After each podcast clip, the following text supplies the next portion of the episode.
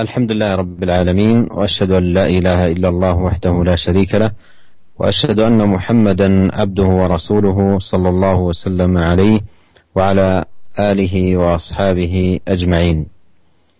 أما بعد عقد الإمام النووي رحمه الله تعالى في كتابه رياض الصالحين بابا بعنوان باب اليقين والتوكل.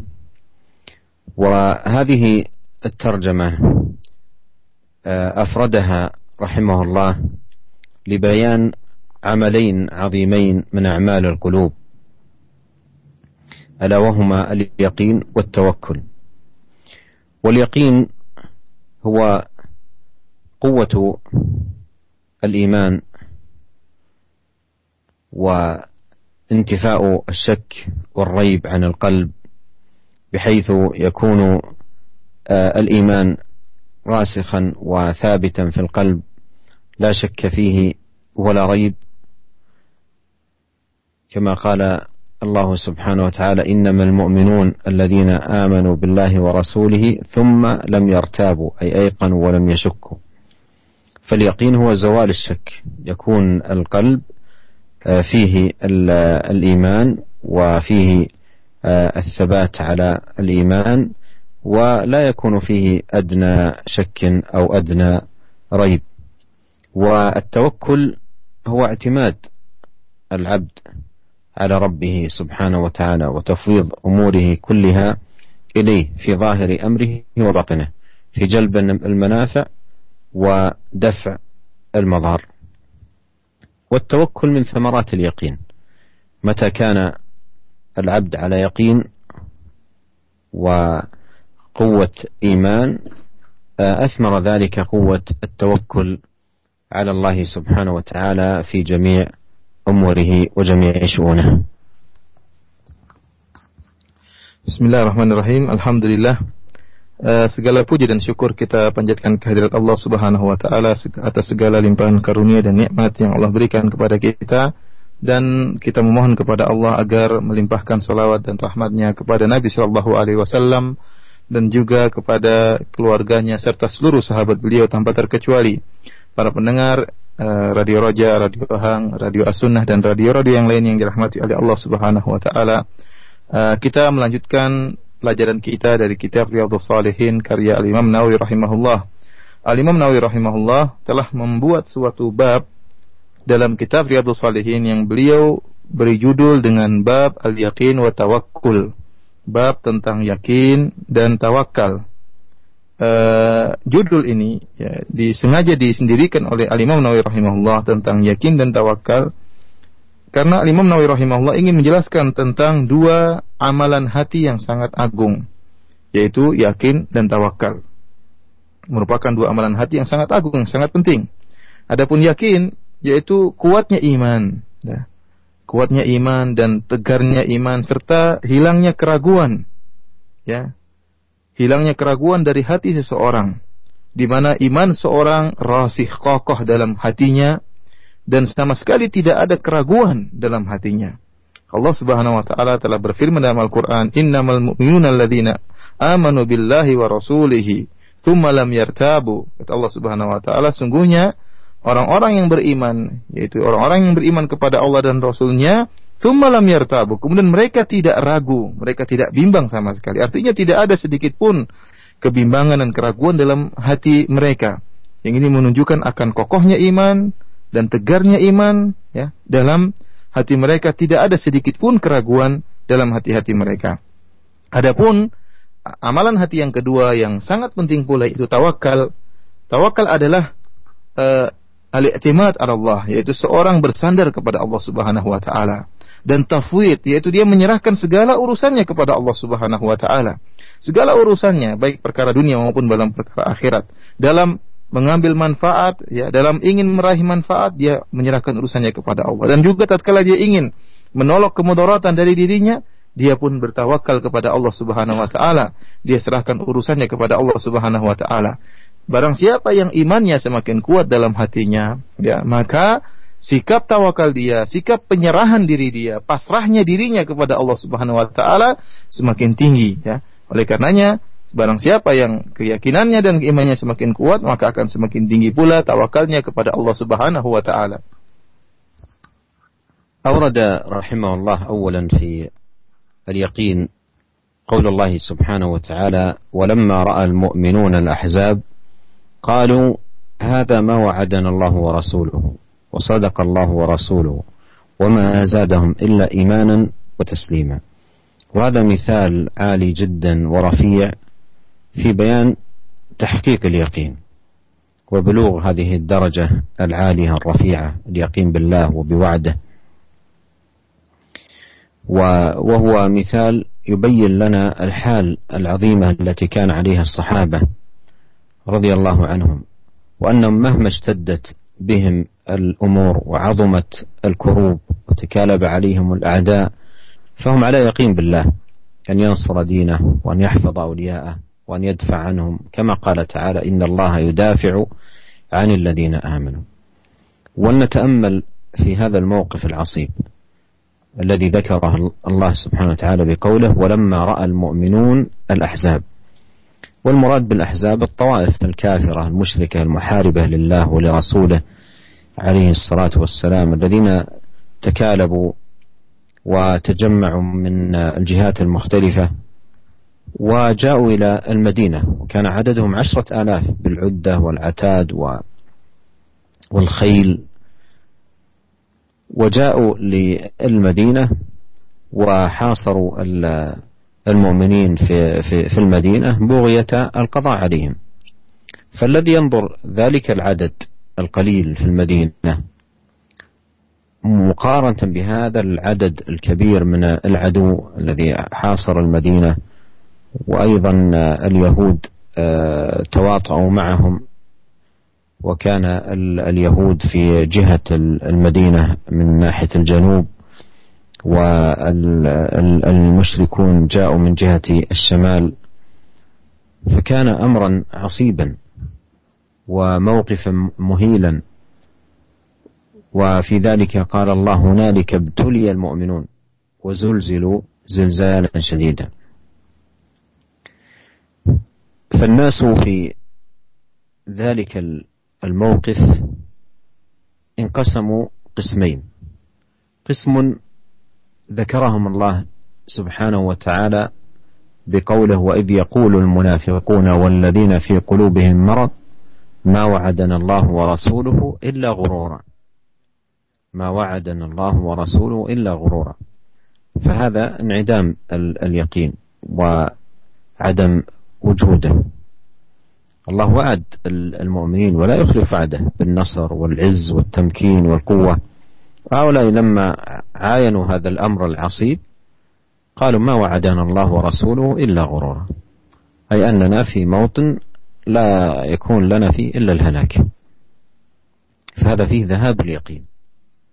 وهذا يحصل من المنافق ومن من في قلبه مرض بضعف الإيمان وضعف الثقة بالله سبحانه وتعالى. فهذا قسم. والقسم الثاني أهل اليقين.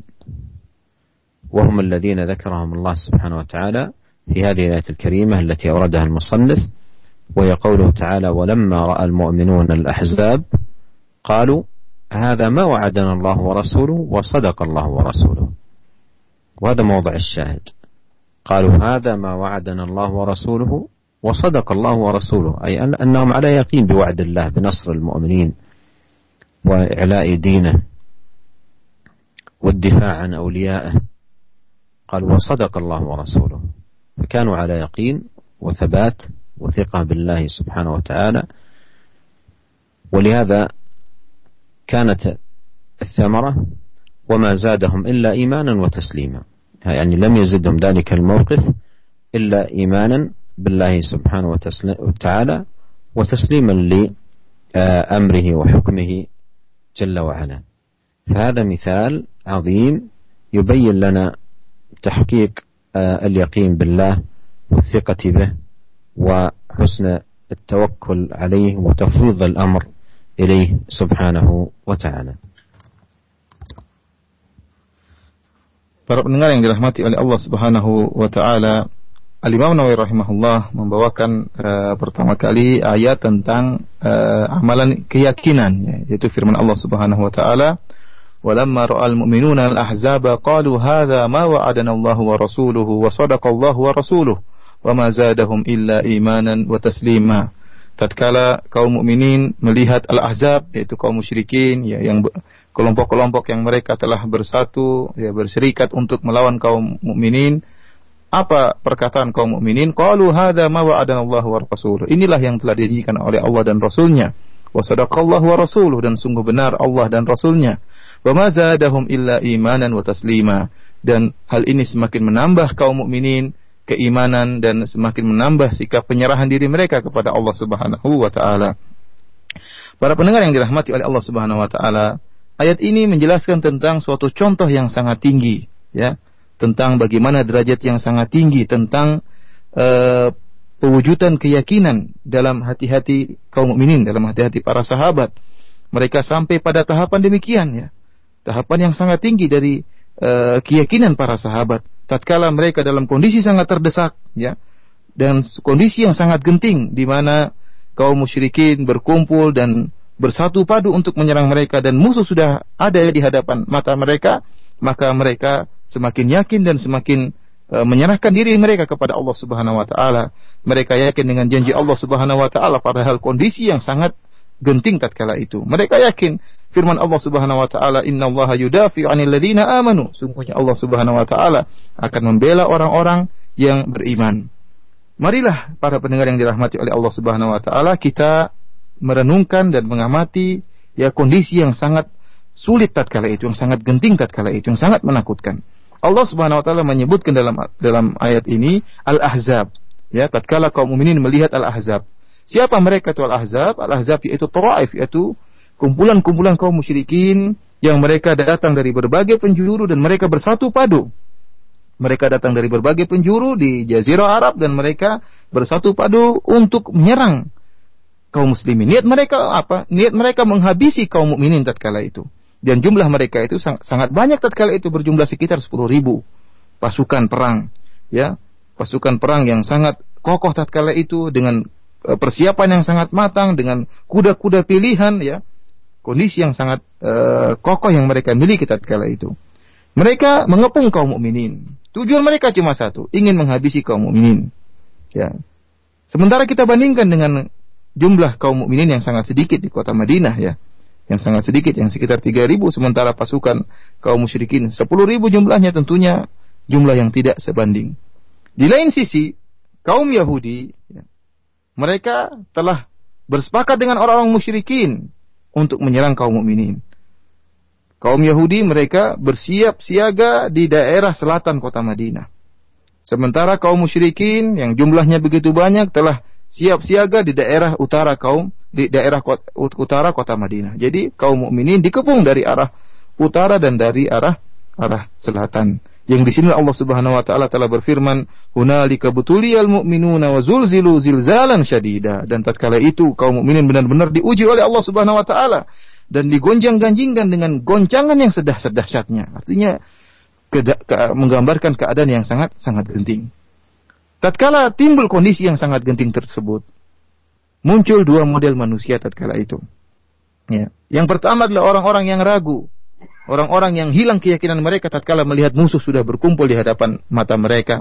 Dan ini Allah Subhanahu wa taala mengisahkan uh, perkataan mereka, "Idz yaqulul munafiquna walladzina fi qulubihim marad ma wa'adana Allah wa rasuluhu illa gurura." Ya, tatkala kaum orang-orang munafikin dan juga orang-orang dalam hati mereka ada penyakit, melihat kondisi yang sangat genting tersebut, mereka segera, segera berkata, "Lihatlah, Allah Subhanahu wa taala janji Allah hanyalah tipuan saja. Janji Allah dan janji Rasulullah hanyalah tipuan saja.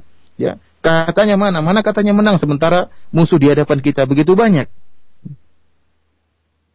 Padahal ya Allah Subhanahu wa taala jika berjanji Allah tidak akan menyelisih janji Allah Subhanahu wa taala. Akan tapi tatkala kaum munafikin dan juga orang-orang dalam hati mereka keraguan, hati mereka penyakit, imannya lemah, Tatkala mereka melihat langsung jumlah yang begitu besar pasukan kaum musyrikin yang begitu besar dan dengan persiapan yang sangat persiapan penuh ya, maka hilanglah keyakinan mereka.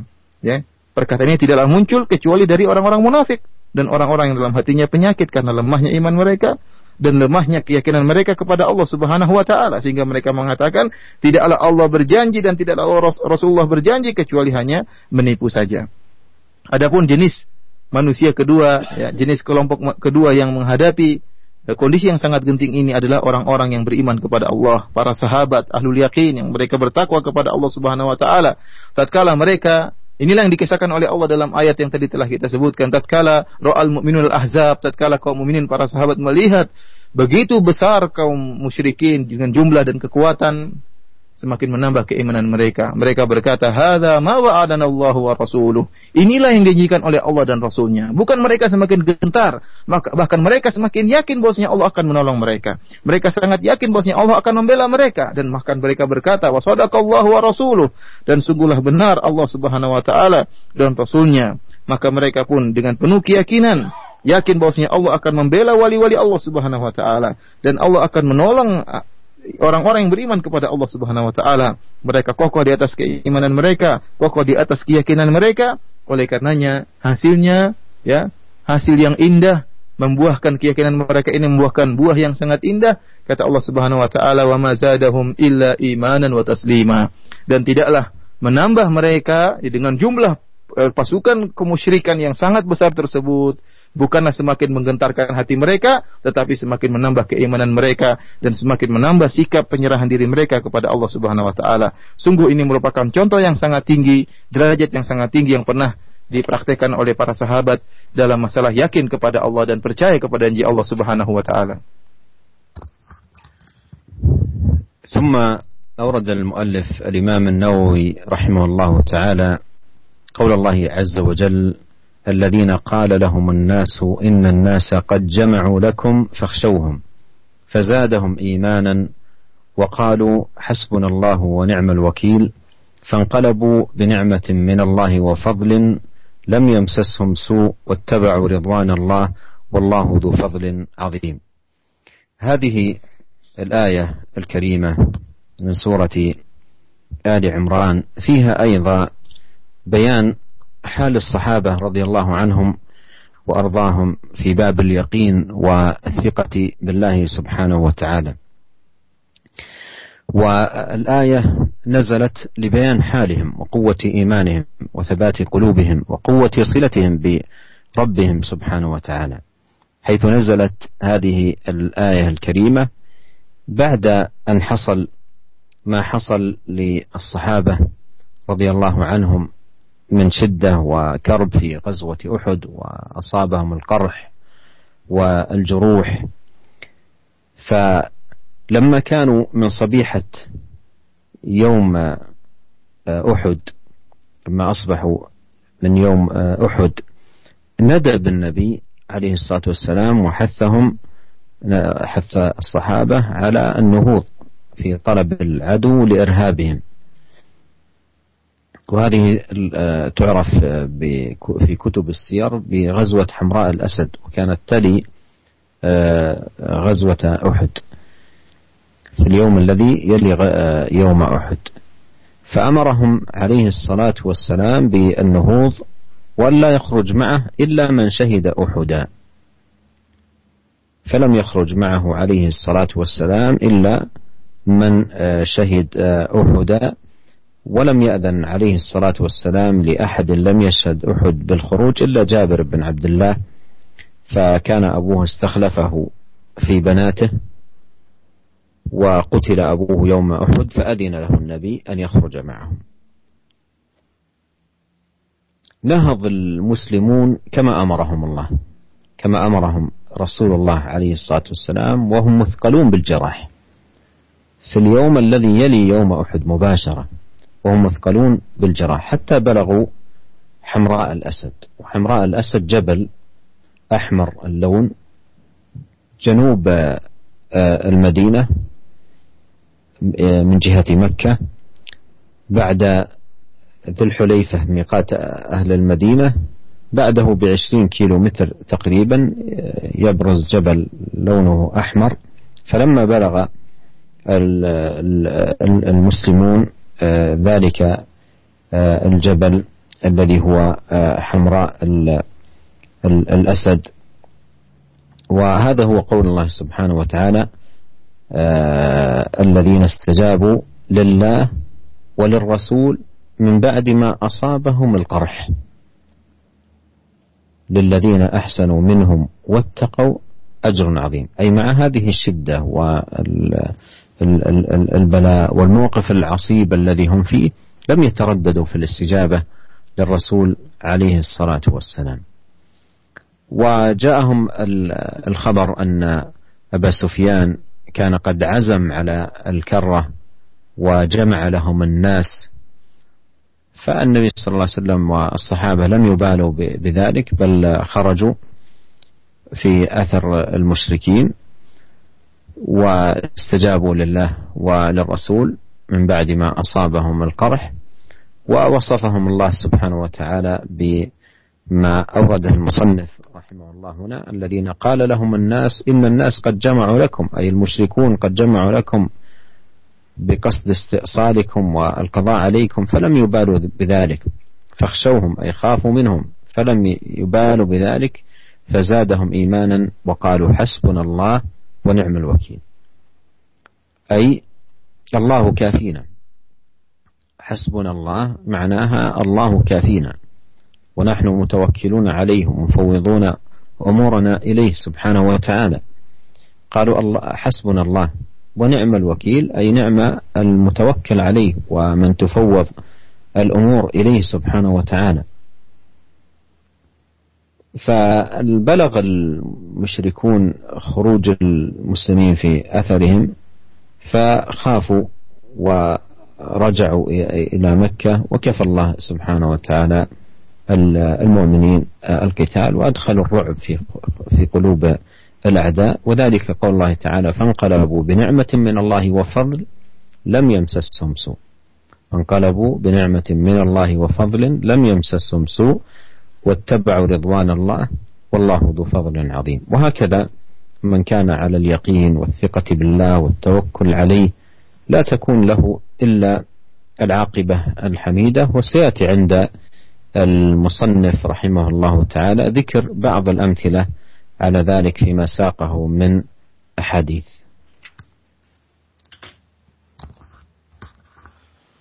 Para pendengar yang dirahmati oleh Allah Subhanahu wa taala, kemudian Al-Imam Nawawi rahimahullah membawakan ayat yang kedua yang juga merupakan contoh yang sangat uh, tinggi tentang keimanan para sahabat, yaitu firman Allah Subhanahu wa taala, "Alladzina qala lahumun alladzina qala lahumun nas, innan nasa qad jama'u lakum fakhshawhum fazadahum imanan wa qalu hasbunallahu wa ni'mal wakil."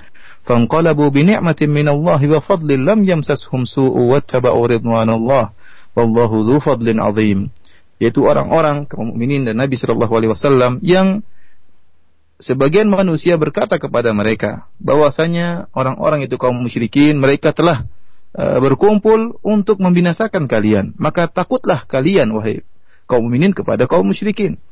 Namun apa kata Allah? Fazadahum imana. Mereka ditakut-takutkan akan tetapi ya fazadahum imana bahkan semakin bertambah keimanan mereka wa hasbunallahu wa ni'mal wakil dan mereka berkata hasbunallahu wa ni'mal wakil. Fanqalabu bi ni'matin minallah. Maka mereka pun kembali dengan kenikmatan dari Allah Subhanahu wa taala dan karunia dari Allah Subhanahu wa taala. Lam yamsashum su dan mereka tidak ditimpa dengan keburukan sedikit pun. Wattaba'u ridwanallah dan mereka mengikuti keridhaan Allah Subhanahu wa taala. Wallahu dzu fadlin azim dan Allah Subhanahu wa taala dialah pemilik karunia yang sangat besar Para pendengar yang dirahmati oleh Allah Subhanahu wa taala, ayat ini, ayat yang mulia ini dari uh, surat Ali Imran ayat 173 dan 174 ya. Menjelaskan juga menjelaskan tentang bagaimana kondisi sahabat yang penuh dengan keyakinan dan percaya kepada Allah Subhanahu wa taala. Ya. Ayat ini turun untuk menjelaskan bagaimana kuatnya iman para sahabat dan kuatnya hubungan mereka, silah mereka, hubungan mereka dengan Allah Subhanahu wa taala. Karena ayat ini uh, turun setelah terjadi peristiwa perang Uhud. Kita tahu peristiwa perang Uhud di mana uh, banyak kaum muslimin yang terluka dan banyak yang meninggal dunia ya terjadi uh, apa yang terjadi pada peristiwa perang Uhud tersebut. Kaum muslimin masih penuh dengan luka ya. Ya, bahkan sebagaimana tadi kita sebutkan banyak yang meninggal dunia ya.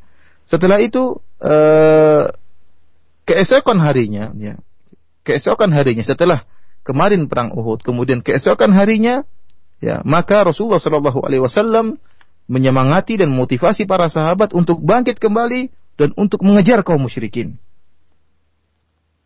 Padahal kita tahu bahwasanya para sahabat dalam keadaan sulit tatkala itu. Ya. Baru saja banyak para sahabat yang meninggal dunia, kemudian baru saja mereka menimpa eh, terkena banyak luka ya.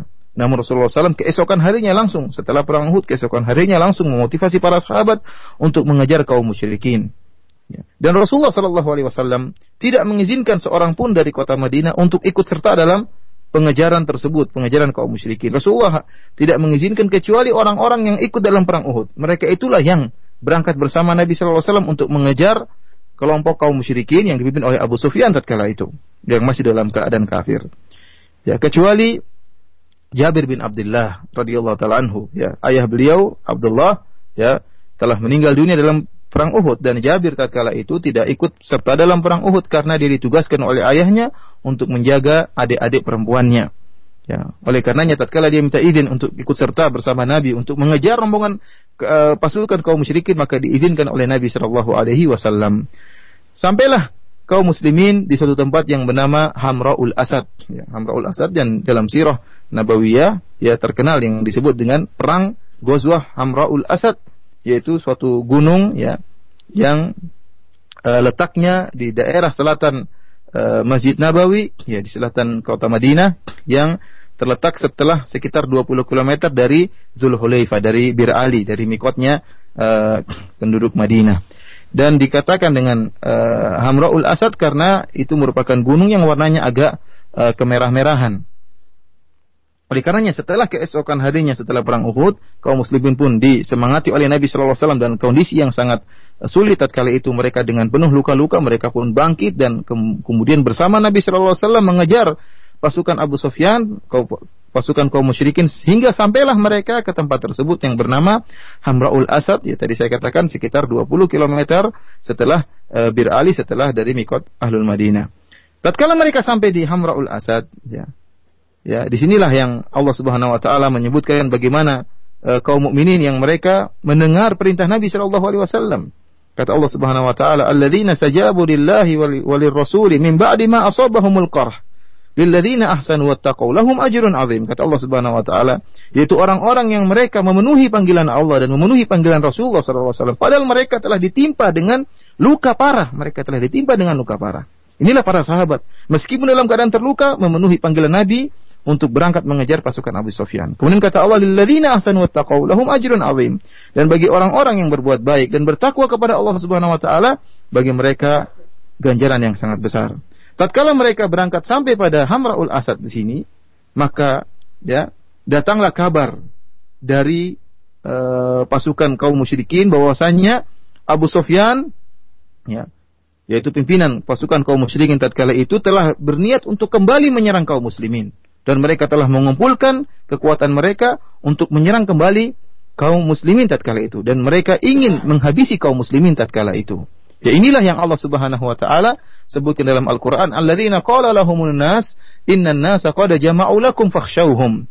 Yaitu para sahabat yang dikatakan kepada mereka bahwasanya innan nas qad jama'u lakum. Sungguhnya kaum musyrikin yang dipimpin oleh Abu Sufyan telah berkumpul untuk menghabisi kalian. Fakhshawhum. Maka takutlah kalian kepada kepada mereka, ya. Akan tetapi apa perkataan kaum muslimin, kaum mukminin tatkala itu perkataan para sahabat hasbunallah wa ni'mal wakil, ya Cukuplah bagi kami Allah Subhanahu wa taala dan dia adalah sebaik-baik penolong. Inilah keyakinan para sahabat tatkala ditakut-takuti dengan hal tersebut kata mereka Allahu kafina hasbunallah. Cukuplah Allah yang akan menjaga kami. Kami serahkan urusan kami kepada Allah Subhanahu wa taala. Wa ni'mal wakil dan dialah Allah Subhanahu wa taala yang paling baik tempat untuk bertawakal menyerahkan segala uh, urusan. Itulah perkataan kaum mukminin tatkala dalam kondisi mereka terluka dan ditakut-takuti dengan bahwasanya kaum musyrikin telah berkumpul untuk menyerang mereka. Akhirnya, tatkala sampai kepada Abu Sufyan kabar bahwasanya kaum muslimin telah berkumpul dan bersiaga siap ya menyerang kaum musyrikin, akhirnya Abu Sofyan dan kaum musyrikin pun merasa takut tatkala itu. Padahal mereka sebelumnya sudah sempat menang dalam perang Uhud. Akan tapi mereka takut tatkala itu. Allah Subhanahu wa taala memberikan rasa takut dalam hati mereka, akhirnya mereka pun kabur kembali ke kota ke kota Mekah. Di sinilah Allah Subhanahu wa taala menyebutkan tentang kaum mukminin kata Allah Subhanahu wa taala, "Fanqalabu bi ni'matin minallahi wa fadlin lam yamsashum su' wa taba'u ridwanallah." Maka akhirnya kaum mukminin pun kembali ya kembali dengan penuh kenikmatan dari Allah Subhanahu wa taala dan karunia dari Allah Subhanahu wa taala. Sama sekali mereka tidak ditimpa dengan keburukan. Wattaba'u ridwanallah dan mereka mengikuti keridhaan Allah Subhanahu wa taala. Wallahu dzu fadlin azim. Dan Allah lah Allah lah yang memiliki karunia yang sangat besar. Dan inilah para pendengar yang dirahmati oleh Allah Subhanahu wa taala. Ya e, buah dari orang yang bertawakal kepada Allah Subhanahu wa taala yakin kepada Allah Subhanahu wa taala. Karena sungguhnya tidaklah uh, ada akibat bagi orang yang bertakwa dan yakin kepada Allah kecuali akibat yang indah dan akibat yang baik. ثم أورد الإمام النووي رحمه الله تعالى قول الله تعالى وتوكل على الحي الذي لا يموت وهذه الآية فيها الأمر بالتوكل على الله سبحانه وتعالى وذكر في الآية وصف الله بالحياة وأنه عز وجل الحي الذي لا يموت وأن التوكل يجب أن يكون على الموصوف بهذا الوصف وحده دون سواه. فالله وحده هو الحي الذي لا يموت. قد قال الله سبحانه كل شيء هالك إلا وجهه وقال سبحانه كل من عليها فان ويبقى وجه ربك ذو الجلال والإكرام.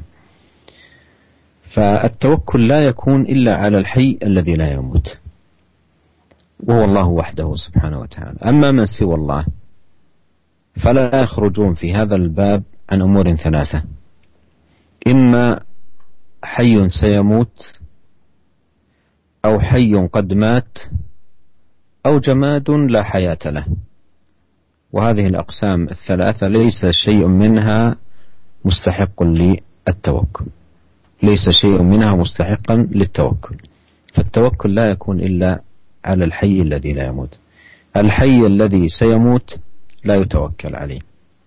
والحي الذي قد مات لا يتوكل عليه. والجماد الذي لا حياة له لا يتوكل عليه. وإنما يكون التوكل على الحي الذي لا يموت وهو الله سبحانه وتعالى.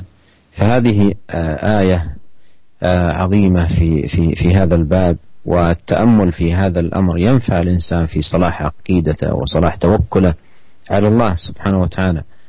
ولما مات نبينا عليه الصلاة والسلام خطب الصديق أبو بكر رضي الله عنه خطبة مشهورة. قال فيها من كان يعبد محمدا فإن محمدا قد مات. فإن محمدا قد مات. ومن كان يعبد الله فإن الله حي لا يموت.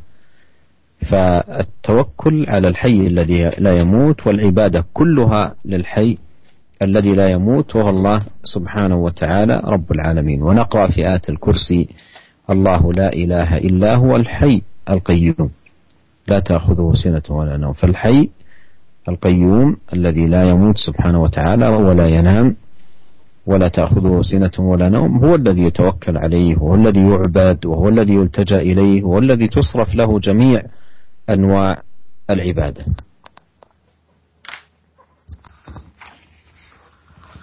Para pendengar yang dirahmati oleh Allah Subhanahu wa taala, kemudian Al Imam Nawawi rahimahullah membawakan ayat yang berikutnya ya di mana Allah Subhanahu wa taala berfirman, "Wa tawakkal 'alal hayyil ladzi la yamut." Dan bertawakallah engkau kepada zat yang maha hidup yang tidak akan mati. Dalam ayat ini Allah Subhanahu wa taala memerintahkan Nabi Shallallahu Alaihi Wasallam untuk bertawakal kepada Allah Subhanahu Wa Taala. Dan dalam ayat ini, ya Allah mensifati dirinya dengan al-hayy, dengan sifat hayat, hayat yang yang abadi, yang tidak akan mati selamanya. Dan hendaknya tawakal itu hanya diserahkan kepada zat yang memiliki sifat seperti ini. Sifat kehidupan yang abadi yang tidak akan pernah ya di, diakhiri dengan kematian. Allah Subhanahu wa taala berfirman mengingatkan bahwasanya selain Allah seluruh makhluk dia pasti akan binasa. Kata Allah Subhanahu wa taala kullu syai'in halikun illa wajhah. segala sesuatu pasti akan binasa, akan hancur kecuali wajah Allah Subhanahu wa taala. Kata Allah Subhanahu wa taala dalam ayat yang lain, "Kullu man 'alaiha fan." Sungguhnya seluruh yang ada di atas ya, bumi ini seluruhnya akan binasa, akan sirna. Dan tawakal tidak boleh diserahkan kecuali kepada zat yang maha hidup. Adapun selain Allah Subhanahu wa taala dan yang maha hidup itu hanyalah yang maha hidup hanyalah Allah semata. Adapun selain Allah Subhanahu wa taala dari makhluk kalangan makhluk maka tidak akan keluar dari tiga kemungkinan. Jenis-jenis makhluk tidak keluar dari tiga kemungkinan. Kemungkinan yang pertama hayun sayamut yaitu makhluk yang masih hidup namun suatu saat dia akan mati. Jenis makhluk yang kedua hayun qatmat. Makhluk yang dulu pernah hidup akan tapi sekarang sudah meninggal, sudah mati. Adapun jenis makhluk yang ketiga jamat la hayata. Fi hayat jadi la hayata fi yaitu benda-benda mati yang tidak ada kehidupan sama sekali. Ketiga kelompok makhluk ini sama sekali tidak berhak untuk kita serahkan tawakal. Makhluk yang hidup dan akan mati tidak pantas, tidak berhak untuk kita bertawakal kepada model yang seperti ini. Kenapa? Dia akan mati. Apalagi hayun kotmat, apalagi yang pernah hidup tapi sekarang sudah mati. Lebih-lebih lagi kita tidak boleh bertawakal kepada makhluk yang modelnya ini. Dia sudah mati meskipun dia pernah hidup tapi sekarang sudah mati. Dan yang lebih tidak boleh lagi kepada jamadat, kepada benda-benda mati yang sama sekali tidak memiliki kehidupan. Oleh karenanya ayat yang sangat agung ini ya menjelaskan tentang ya hendaknya kita bertawakal kepada zat yang maha hidup saja, yang kehidupannya abadi. Ya. Dan mengamati dan merenungkan ayat seperti ini sangat bermanfaat bagi iman seseorang. Lihatlah bagaimana tatkala Rasulullah SAW meninggal dunia. Ya. Maka tatkala itu Abu Bakar radhiyallahu taala anhu pun berkhutbah dengan khutbah yang sangat masyhur, mengingatkan manusia. Kata Abu Bakar radhiyallahu taala anhu, "Man kana ya'budu Muhammadan, fa inna Muhammadan qad mat." Barang siapa yang menyembah Muhammad, maka sungguhnya Muhammad telah meninggal. Wa man kana ya'budullah, fa inna Allah hayyun la yamut. Dan barang siapa yang menyembah Allah Subhanahu wa taala maka sungguhnya Allah adalah Maha hidup dan tidak akan mati. Ya.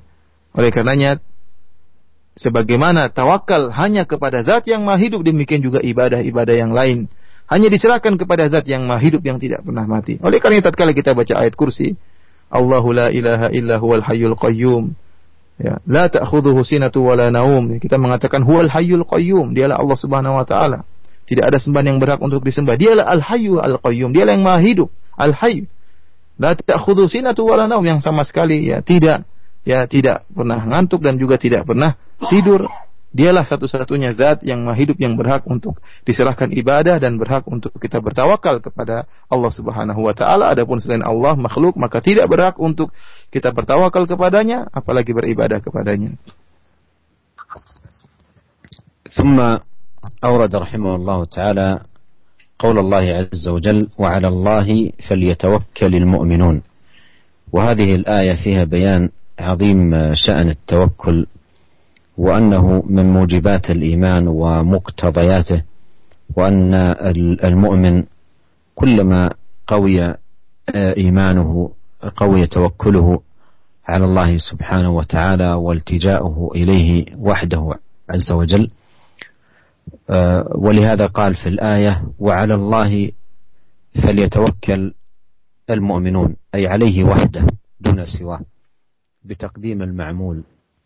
على عامله وهذا من أساليب الحصر في لغة العرب. فمعنى قوله على الله فليتوكل المؤمنون أي عليه وحده دون أن يجعل معه شريك. ومن كان متوكلا على الله وحده فهو موحد في توكله واستعانته وسيحصل المقصود لأن الله كافي من توكل عليه ومعين من استنصر به.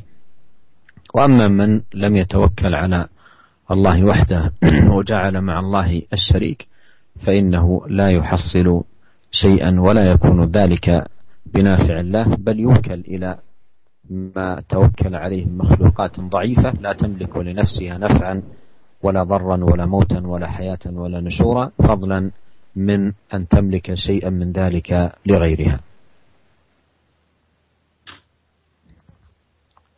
Kemudian Al Imam Nawawi rahimahullah membawakan ayat berikutnya yaitu firman Allah Subhanahu wa taala wa 'alallahi falyatawakkalul mu'minun dan hendaknya hanya kepada Allah kaum mukminin bertawakal. Ayat ini ya merupakan ayat yang sangat uh, agung yang menjelaskan tentang tawakal di mana Allah Subhanahu wa taala menjelaskan bahwasanya tawakal merupakan konsekuensi dari keimanan.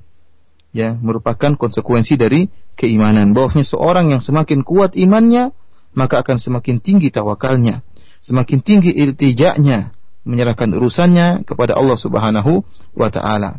Dan dalam ayat ini Allah Subhanahu wa taala mengingatkan bahwasanya tawakal hanyalah kepada Allah Subhanahu wa taala. Oleh karenanya Allah berfirman, "Wa 'alallah falyatawakkalul mu'minun." Dan hanya kepada Allah lah hendaknya kaum mukminun bertawakal. Di sini kalau kita perhatikan, Allah mendahulukan ma'mul daripada amilnya ya. Kalau dalam bahasa Arab, ya tatkala uh, kalau kita terjemahkan dalam bahasa Indonesia ya, harusnya kita mengatakan uh, kaum mukminin bertawakal kepada Allah ya. Kaum mukminin bertawakal kepada Allah tatkala uh, didahulukan uh, keterangan atau objek daripada predikat ya dikatakan kepada Allah lah kaum mukminin bertawakal maka dalam dalam uh, metode bahasa Arab ini memberikan faedah hasar yaitu hanya pembatasan tatkala didahulukan hanya kepada Allah kepada Allah didahulukan daripada kalimat predikat bertawakal maka jadilah maknanya dalam bahasa Arab hanya kepada Allah lah kaum mukminin bertawakal oleh karenanya ini peringatan bagi kita bahwasanya kita hanyalah menyerahkan tawakal kepada Allah Subhanahu wa taala. Ya, tidak boleh kita berbuat syirik dalam masalah tawakal. Kita bertawakal kepada Allah dan juga bertawakal kepada makhluk. Ini tidak diperbolehkan. Barang siapa yang bertawakal hanya kepada Allah maka dia telah bertauhid dalam bab tawakal. Dan barang siapa yang bertawakal kepada Allah dan juga bertawakal kepada selain Allah, kepada makhluk yang lemah, maka tawakalnya tidak bermanfaat. Dan Allah Subhanahu wa taala bahkan akan menjadi, menjadikan dia bersandar kepada makhluk-makhluk yang sangat lemah tersebut. Makhluk-makhluk yang sangat lemah yang tidak bisa mendatangkan kemanfaatan kepada dirinya dan tidak bisa menolak menolak kemudaratan dari dirinya, apalagi untuk menolong makhluk yang lain. Dia makhluk sendiri yang kita bertawakal kepada makhluk tersebut ya. Ini merupakan kesyirikan. Makhluk tersebut sendiri tidak bisa memberikan manfaat kepada dirinya dan tidak bisa menolak kemudaratan dari dirinya. Bagaimana lagi kemudian dia ingin menolong menolong kita. Oleh karenanya bertawakal hanya kepada Allah Subhanahu wa taala saja. ثم أورد قول الله تعالى فإذا عزمت فتوكل على الله والآية فيها الأمر بالتوكل على الله وحده سبحانه وتعالى وذلكم إذا عزم الأمر إذا عزم المرء على أمر من الأمور بعد أن يفكر ويستشير. فإذا عزم على الفعل يتوكل على الله ليكون الله سبحانه وتعالى عونه وموفقه ومسدده. فقوله إذا عزمت أي بعد الاستشارة والتأمل على أمر من الأمور فتوكل على الله يعتمد في فعل ذلك الأمر عليه وحده سبحانه وتعالى وكن متبرئا من حولك وقوتك فلا حول ولا قوة إلا بالله. وقد ختمت الآية بقول إن الله يحب المتوكلين أي يحب من آه، توكل عليه. فالله يحب المتوكلين عليه ويعينهم ويسدد آه، يسددهم في أمورهم ويوفقهم في شؤونهم جل في علاه. Kemudian Imam Nawawi rahimahullah membawakan ayat berikutnya yaitu firman Allah Subhanahu wa taala, "Fa idza azamta fatawakkal 'ala Allah." Dan jika engkau telah berazam, telah bertekad, maka bertawakallah kepada Allah Subhanahu wa taala. Di sini Allah Subhanahu wa taala menjelaskan bahwasanya tawakal hanya kepada Allah Subhanahu wa taala jika seorang telah berazam, telah bertekad. Maksudnya apa? Yaitu setelah dia memikirkan atau berencana untuk melakukan sesuatu. Kemudian dia sudah bermusyawarah ya dalam masalah ini untuk menjalankan rencananya. Jika dia telah bermusyawarah dan telah merenungkan, memikirkan rencana tersebut dan dia sudah bertekad berazam, maka hendaknya dia bertawakal kepada Allah saja. Bertawakal kepada Allah Subhanahu wa taala saja agar Allah Subhanahu wa taala menjadi penolongnya, agar Allah Subhanahu wa taala meluruskan langkah-langkahnya, ya. Dan hendaknya dia berlepas diri dari segala makhluk-makhluk dan dia tidak bertawakal kepada makhluk-makhluk selain Allah Subhanahu wa taala. Dia hanya bertawakal kepada Allah Subhanahu wa taala dalam menjalankan tekad dan azamnya. Oleh karenanya ayat ini ya diakhiri dengan firman Allah Subhanahu wa taala, "Innallaha yuhibbul mutawakkilin." Sungguhnya Allah Subhanahu wa taala mencintai orang-orang yang bertawakal. Artinya Allah Subhanahu wa taala jika telah mencintai orang-orang yang bertawakal, mencintai orang-orang yang beriman, maka Allah Subhanahu wa taala akan beri taufik kepada mereka, akan meluruskan langkah-langkah mereka dan akan bantu mereka dalam menjalankan atau e, memenuhi tekad mereka. هذه الآيات الثلاث الأخيرة وتوكل على الحي الذي لا يموت وعلى الله فليتوكل المؤمنون فإذا عزمت وتوكل على الله. كلها فيها أمر بالتوكل. والآية الثانية فليتوكل لام لام الأمر. فكلها في الأمر بالتوكل على الله. ولهذا ختم المصنف هذه الآيات الثلاث بقوله والآيات في الأمر بالتوكل كثيرة معلومة أي أنه إنما اقتصر على ذكر ثلاث آيات في ذلك وإلا فإن الآيات الواردة في ذلك في الأمر بالتوكل في القرآن كثيرة Para pendengar yang dirahmati oleh Allah Subhanahu wa taala, tiga ayat yang tadi disebutkan ya, Yang pertama adalah tawakal alal hayyil ladzi la yamut. Hendaknya engkau bertawakal ya. Di sini ada fi'il amr. Demikian juga yaitu fi'il perintah ya karena di dalam bahasa Arab eh, namanya fi'il amr yaitu fi'il kata kerja yang menunjukkan perintah. Demikian juga firman Allah Subhanahu wa taala wa 'alallahi falyatawakkal. Di sini ada fal, lam di situ adalah lamul amr. Lam juga untuk menunjukkan perintah. Demikian juga faida azamta fatawakkal 'ala Allah. Dan jika engkau sudah bertekad fatawakkal. Tawakal di sini adalah fi'il amr ya ada wazin tafa'al ya adalah fi'il amr fi'il yang menunjukkan perintah. Jadi tiga ayat ini ya berisi tentang perintah kepada kita untuk bertawakal kepada Allah saja. Oleh karenanya Imam Nawawi rahimahullah menyebutkan setelah menyebutkan tiga ayat ini Imam Nawawi berkata wal ayatu fil amri bitawakkul bitawakkuli katsiratun ma'lumah dan ayat-ayat tentang perintah untuk bertawakal banyak dan telah diketahui. Artinya beliau rahimahullah Imam Nawawi hanya meringkas dan menyebutkan tiga ayat saja yang menunjukkan perintah terhadap tawakal padahal ayat tentang tawakal sangatlah banyak ya hanya saja beliau mencukupkan menyebutkan tiga ayat yang menunjukkan perintah untuk bertawakal kepada Allah Subhanahu wa taala. ثم أورد قول الله تعالى ومن يتوكل على الله فهو حسبه أي من يعتمد على الله في جلب المنافع ودفع المضار وحده سبحانه وتعالى فهو حسبه أي كافيه والحسب الكافي. فالله عز وجل كافي من توكل عليه. وقد مر معنا قوله قالوا حسبنا الله أي كافينا الله. فالذي يتوكل على الله وحده ويلتجئ إليه وحده يكفيه الله الله سبحانه وتعالى ما أهمه. وقد قال تعالى أليس الله بكاف abda. Kemudian Imam Nawawi rahimahullah membawakan firman Allah yang berikutnya yaitu man yatawakkal 'ala Allah fa huwa hasbuh ay kafi. Firman Allah Subhanahu wa taala barang siapa yang bertawakal kepada Allah maka Allah akan mencukupkannya. Artinya Allah akan memenuhi ya. Ya hajatnya Allah akan memenuhi cukup bagi Allah dan tidak perlu kepada yang lainnya. Artinya apa? Waman yatawakkal. Barang siapa yang bertawakal itu barang siapa yang bersandar kepada Allah dalam berusaha mencari manfaat untuk dirinya dan dalam rangka untuk menolak kemudaratan dari dirinya, maka Allah hasbuh, maka Allah akan mencukupkannya. Cukup Allah Subhanahu wa taala, tidak perlu yang lainnya. Telah lalu tatkala uh, kita sebutkan tentang perkataan kaum mukminin hasbunallah wa ni'mal wakil perkataan para sahabat hasbunallah wa ni'mal wakil cukuplah bagi Allah cukuplah Allah bagi kami tidak perlu yang lainnya dan dialah sebaik-baik penolong oleh karenanya barang siapa yang bertawakal kepada Allah Subhanahu wa taala saja ya tidak ada selainnya maka Allah akan mencukupkan urusannya dan Allah akan memudahkan urusannya. Ini sebagaimana firman Allah Subhanahu wa taala, "Alaisallahu bikafin 'abdah." Bukankah Allah Subhanahu wa taala akan memenuhi hambanya yaitu memenuhi kebutuhan hambanya, menjaga hambanya ya. Jadi barang siapa yang bertawakal kepada Allah maka cukup Allah baginya untuk memenuhi uh, kebutuhannya. ثم ختم المصنف رحمه الله هذه الآيات الكريمات بقوله تعالى آه إنما المؤمنون الذين إذا ذكر الله وجلت قلوبهم وإذا تليت عليهم آياته زادتهم إيمانا وعلى ربهم يتوكلون. وهذه الآية فيها بيان آه فضل التوكل وأنه صفة المؤمنين الكمل الذين كملوا إيمانهم لأن الله ختم هذا السياق بقوله أولئك هم المؤمنون حقا. فالمؤمنون حقا الذين كملوا إيمانهم من صفاتهم أنهم لا يتوكلون إلا على الله وعلى ربهم يتوكلون. وأيضا هذا الأسلوب من أساليب الحصر كما سبق بيان ذلك. فالتوكل على الله وحده هو صفة المؤمنين الذين لهم الدرجات العالية ومغفرة الذنوب ورفعة الدرجات يوم لقاء الله سبحانه وتعالى. وختم رحمه الله ذكره لهذه الآيات بقوله والآيات في فضل التوكل كثيرة معروفة.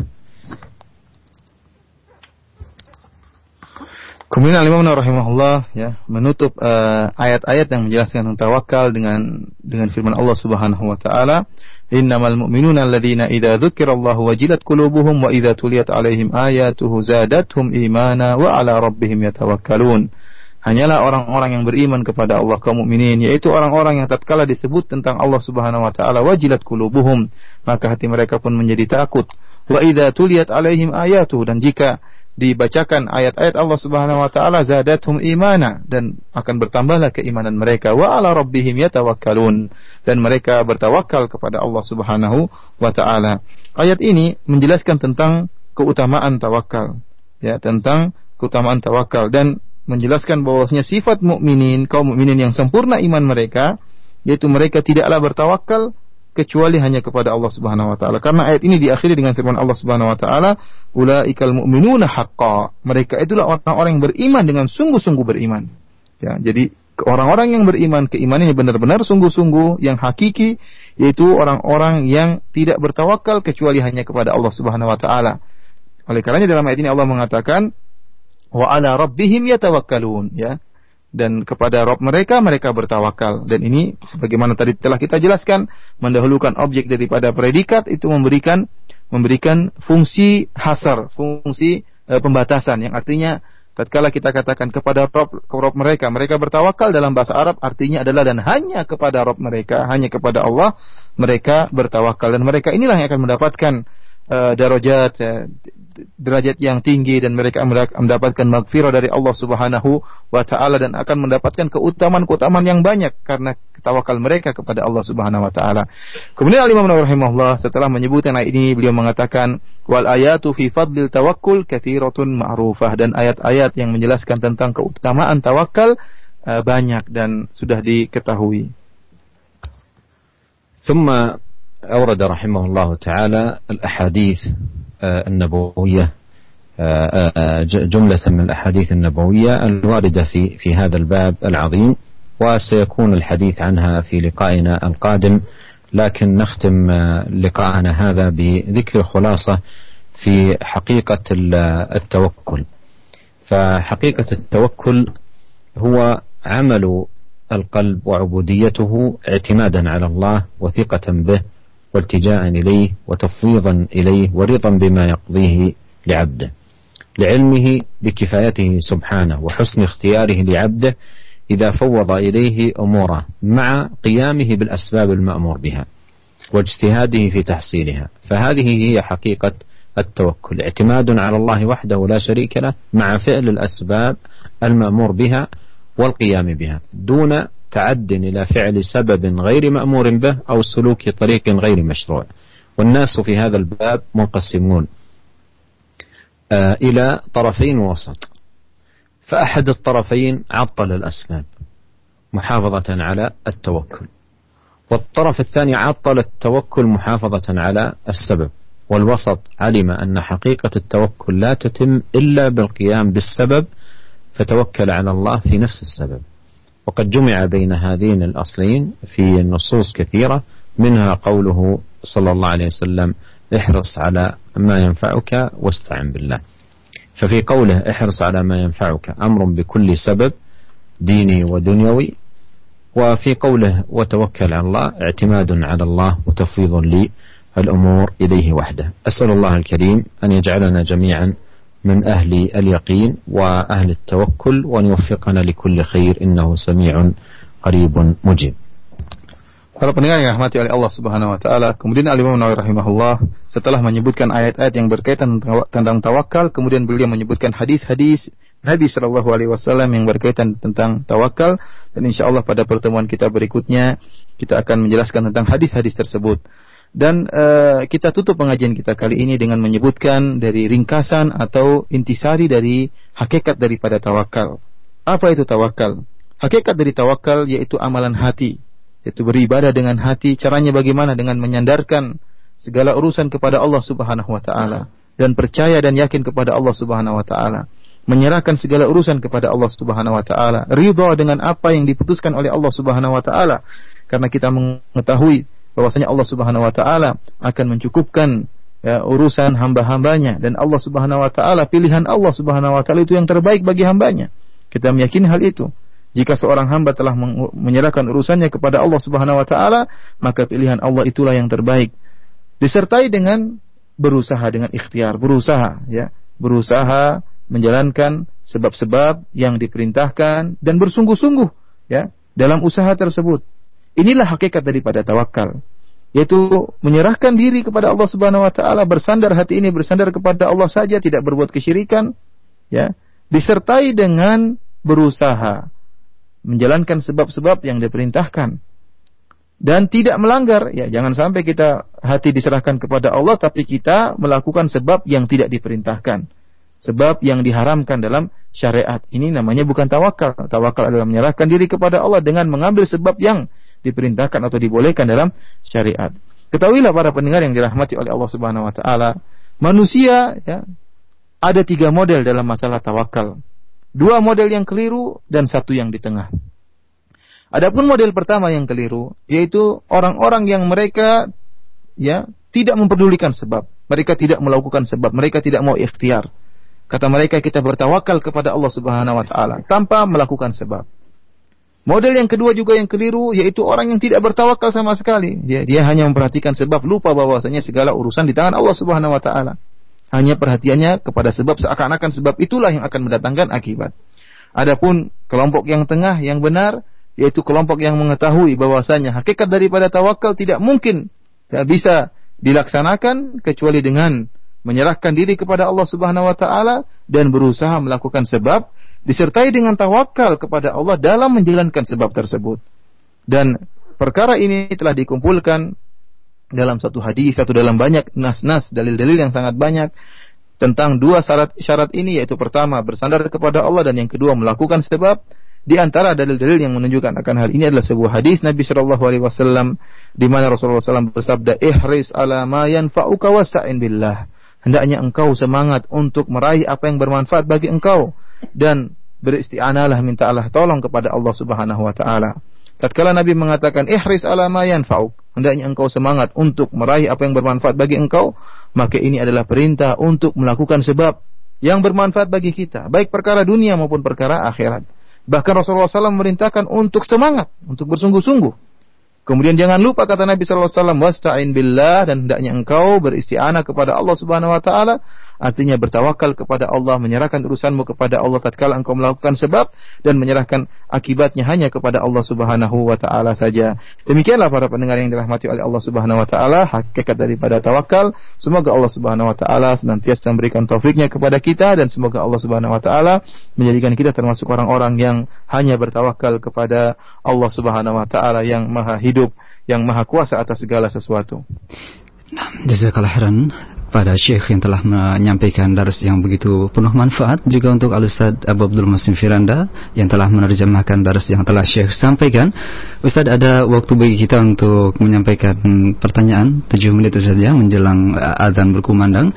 Kami angkat pertanyaan dari uh, pendengar kita via pesan singkat ada dari Abu Suhailah di Bogor yang bertanya, "Ya Syekh, uh, bolehkah bagi kita untuk membagi-bagi kedudukan para sahabat sesuai dengan tingkat keimanan, tingkat ketawakalan dan ketakwaan serta uh, waktu masuk Islamnya mereka?" Sehingga bila terjadi khilaf di antara para sahabat, maka e, sebagiannya memberikan penghargaan yang lebih bagi sahabat yang lebih dulu masuk Islam, semisal Ali bin Abi Thalib, e, dibanding dengan sahabat yang e, terlambat ataupun belum e, masuk e, atau tidak masuk Islam dari awal, semisal Abu Sufyan yang Syekh sampaikan tadi bahkan sampai sempat memerangi kaum muslimin. Jazakallah khairan ya Syekh.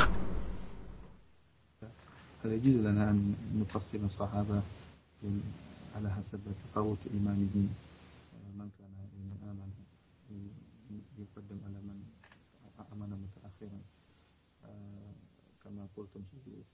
قوة الإيمان وكذا. بحيث إذا حصل الخلاف بين الصحابة مثلا بين علي وأبو سفيان نقدم عليا على أبي سفيان بسبب إيمان علي على أبي سفيان. هذه المسألة محسومة عند أهل العلم والمفترض في كل مسلم أن يعول في هذا الباب آه، على قول أهل العلم وكلامهم المبني على قواعد متينة وأصول عظيمة مستمدة من كتاب الله وسنة رسوله عليه الصلاة والسلام.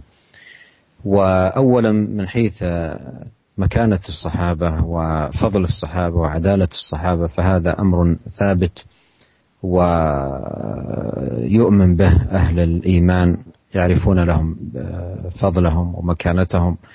وأيضا في الوقت نفسه يؤمنون بالتفاضل بينهم وأن أفضل الصحابة على الإطلاق أبو بكر رضي الله عنه وأرضاه للشواهد الكثيرة والدلائل العديدة في كتاب الله وسنة نبيه عليه الصلاة والسلام. فأهل العلم وأهل السنة آه، يؤمنون بذلك يؤمنون بفضل الصحابة ويؤمنون بمكانة الصحابة رضي الله عنهم وأرضاهم وأيضا يؤمنون بالتفاضل آه، بين الصحابة وأنهم ليسوا في الفضل على درجة واحدة. وأما ما يتعلق بما شجر آه، بين الصحابة فالمصيب منهم له أجران والمخطئ له أجر واحد وذنبه مغفور وأهل السنة قاعدتهم في هذا أنهم لا يخوضون فيما شجر آه، بين الصحابة رضي الله عنهم وأرضاهم آه، بل يقولون آه، تلك أمور وجدت وأيضا فيها أخبار رويت بغير حق وبغير عدل فما ثبت من ذلك؟ من كان منهم مصيبا فله أجران ومن كان مخطئا فله أجر واحد وذنبه مغفور. لقول النبي عليه الصلاة والسلام إذا اجتهد الحاكم فأصاب فله أجران وإذا اجتهد وأخطأ فله أجر واحد وذنبه مغفور. فهذا الذي ينبغي آه، تجاه هذا الأمر والله أعلم. Uh, para pendengar yang dirahmati oleh Allah Subhanahu wa taala, permasalahan seperti ini masalah uh, khilaf yang timbul di antara para sahabat seperti contohnya uh, antara Ali bin Abi Thalib dengan Muawiyah bin Abi Sufyan radhiyallahu taala anhu, maka hendaknya setiap muslim kembali kepada perkataan para ulama karena masalah ini sudah dibahas secara tuntas oleh para ulama ya ahlu sunnah wal jamaah menjelas dengan menjelaskan permasalahan dengan secara tuntas. Yang pertama perlu kita ingat bahwasanya Eh, para sahabat memiliki kedudukan yang tinggi dalam Islam dan mereka memiliki kemuliaan, keutamaan dan keutamaan mereka telah diketahui oleh kaum mukminin. Ya. Para kaum mukminin, kaum muslimin, ahlu sunnah wal jamaah mengetahui tentang keutamaan para sahabat. Dan mereka juga meyakini bahwasanya para sahabat bertingkat-tingkat, tidak pada satu tingkatan. Ya, mereka bertingkat-tingkat. Dan yang paling mulia di kalangan para sahabat adalah Abu Bakar radhiyallahu taala anhu karena dalil yang begitu banyak baik dari Al-Qur'anul Karim maupun dari hadis-hadis Nabi Shallallahu alaihi wasallam ya. Akan tapi kita meyakini para sahabat bertingkat-tingkat ya. Dan mereka adalah para sahabat adalah udul ya, dan mereka adalah uh, yang bertakwa kepada Allah Subhanahu wa taala dan telah direkomendasi oleh Allah Subhanahu wa taala dan telah direkomendasi oleh uh, Rasulullah sallallahu alaihi wasallam dalam banyak hadis. Adapun perkara yang berkaitan tentang khilaf atau uh, pertikaian yang terjadi di antara para sahabat ya maka uh, kita meyakini bahwasanya uh, para sahabat ya uh, mereka tidaklah maksum ya mereka juga punya kesalahan ya apa yang ijtihad jika ijtihad mereka benar maka mereka mendapatkan pahala dua pahala dan jika mereka salah ya maka mereka tetap mendapatkan satu pahala dan kesalahan mereka diampuni oleh Allah Subhanahu wa taala. Kita ahlu sunnah wal jamaah tidak terlalu berdalam-dalam dalam mengurusi pertikaian yang terjadi di antara para sahabat. Kenapa? Karena banyak riwayat-riwayat yang menceritakan tentang para sahabat riwayat-riwayat yang tidak tidak adil, riwayat yang tidak yang tidak benar, riwayat-riwayat yang dusta. Ya, adapun kalau ada riwayat-riwayat yang sahih oleh karena jika kita melihat riwayat-riwayat tentang pertikaian para sahabat, kita harus mencari riwayat yang sahih saja. Mencari riwayat yang sahih saja. Kalau ada riwayat-riwayat yang sahih yang menjelaskan tentang kesalahan sahabat, ya, tentang kesalahan sahabat, maka kita meyakini para sahabat bukanlah yang maksum, bukanlah orang yang maksum. Para sahabat juga keliru, ya. Akan tetapi Ya, sebagaimana sabda Nabi sallallahu alaihi wasallam, "Idza ijtahada al-hakim fa asaba falahu ajran Wa idza akhta'a falahu ajrun wahid. Jika seorang hakim beristihad maka dia benar dan mendapatkan dua pahala dan jika dia salah mendapatkan satu pahala itu pun kita yakini kepada para sahabat. Kalau kita yakini tersebut kepada para ulama yang mereka di bawah para sahabat, kalau mereka setelah beristihad mereka tetap mendapatkan satu pahala, apalagi para sahabat radhiyallahu taala anhum yang memiliki kedudukan yang sangat tinggi dalam Islam, jika mereka benar maka mereka mendapatkan dua pahala dan jika mereka salah maka mereka tetap mendapatkan satu pahala sementara kesalahan mereka diampuni oleh Allah Subhanahu wa taala. Dan inilah akidah Ahlussunnah wal Jamaah. Dan demikian saja para pendengar yang rahmati oleh Allah Subhanahu wa taala kajian kita pada kesempatan kali ini. Insyaallah Allah mudahkan bagi kita untuk kita bersua lagi di kesempatan yang lain. Wabillahi taufik wal hidayah. Assalamualaikum warahmatullahi wabarakatuh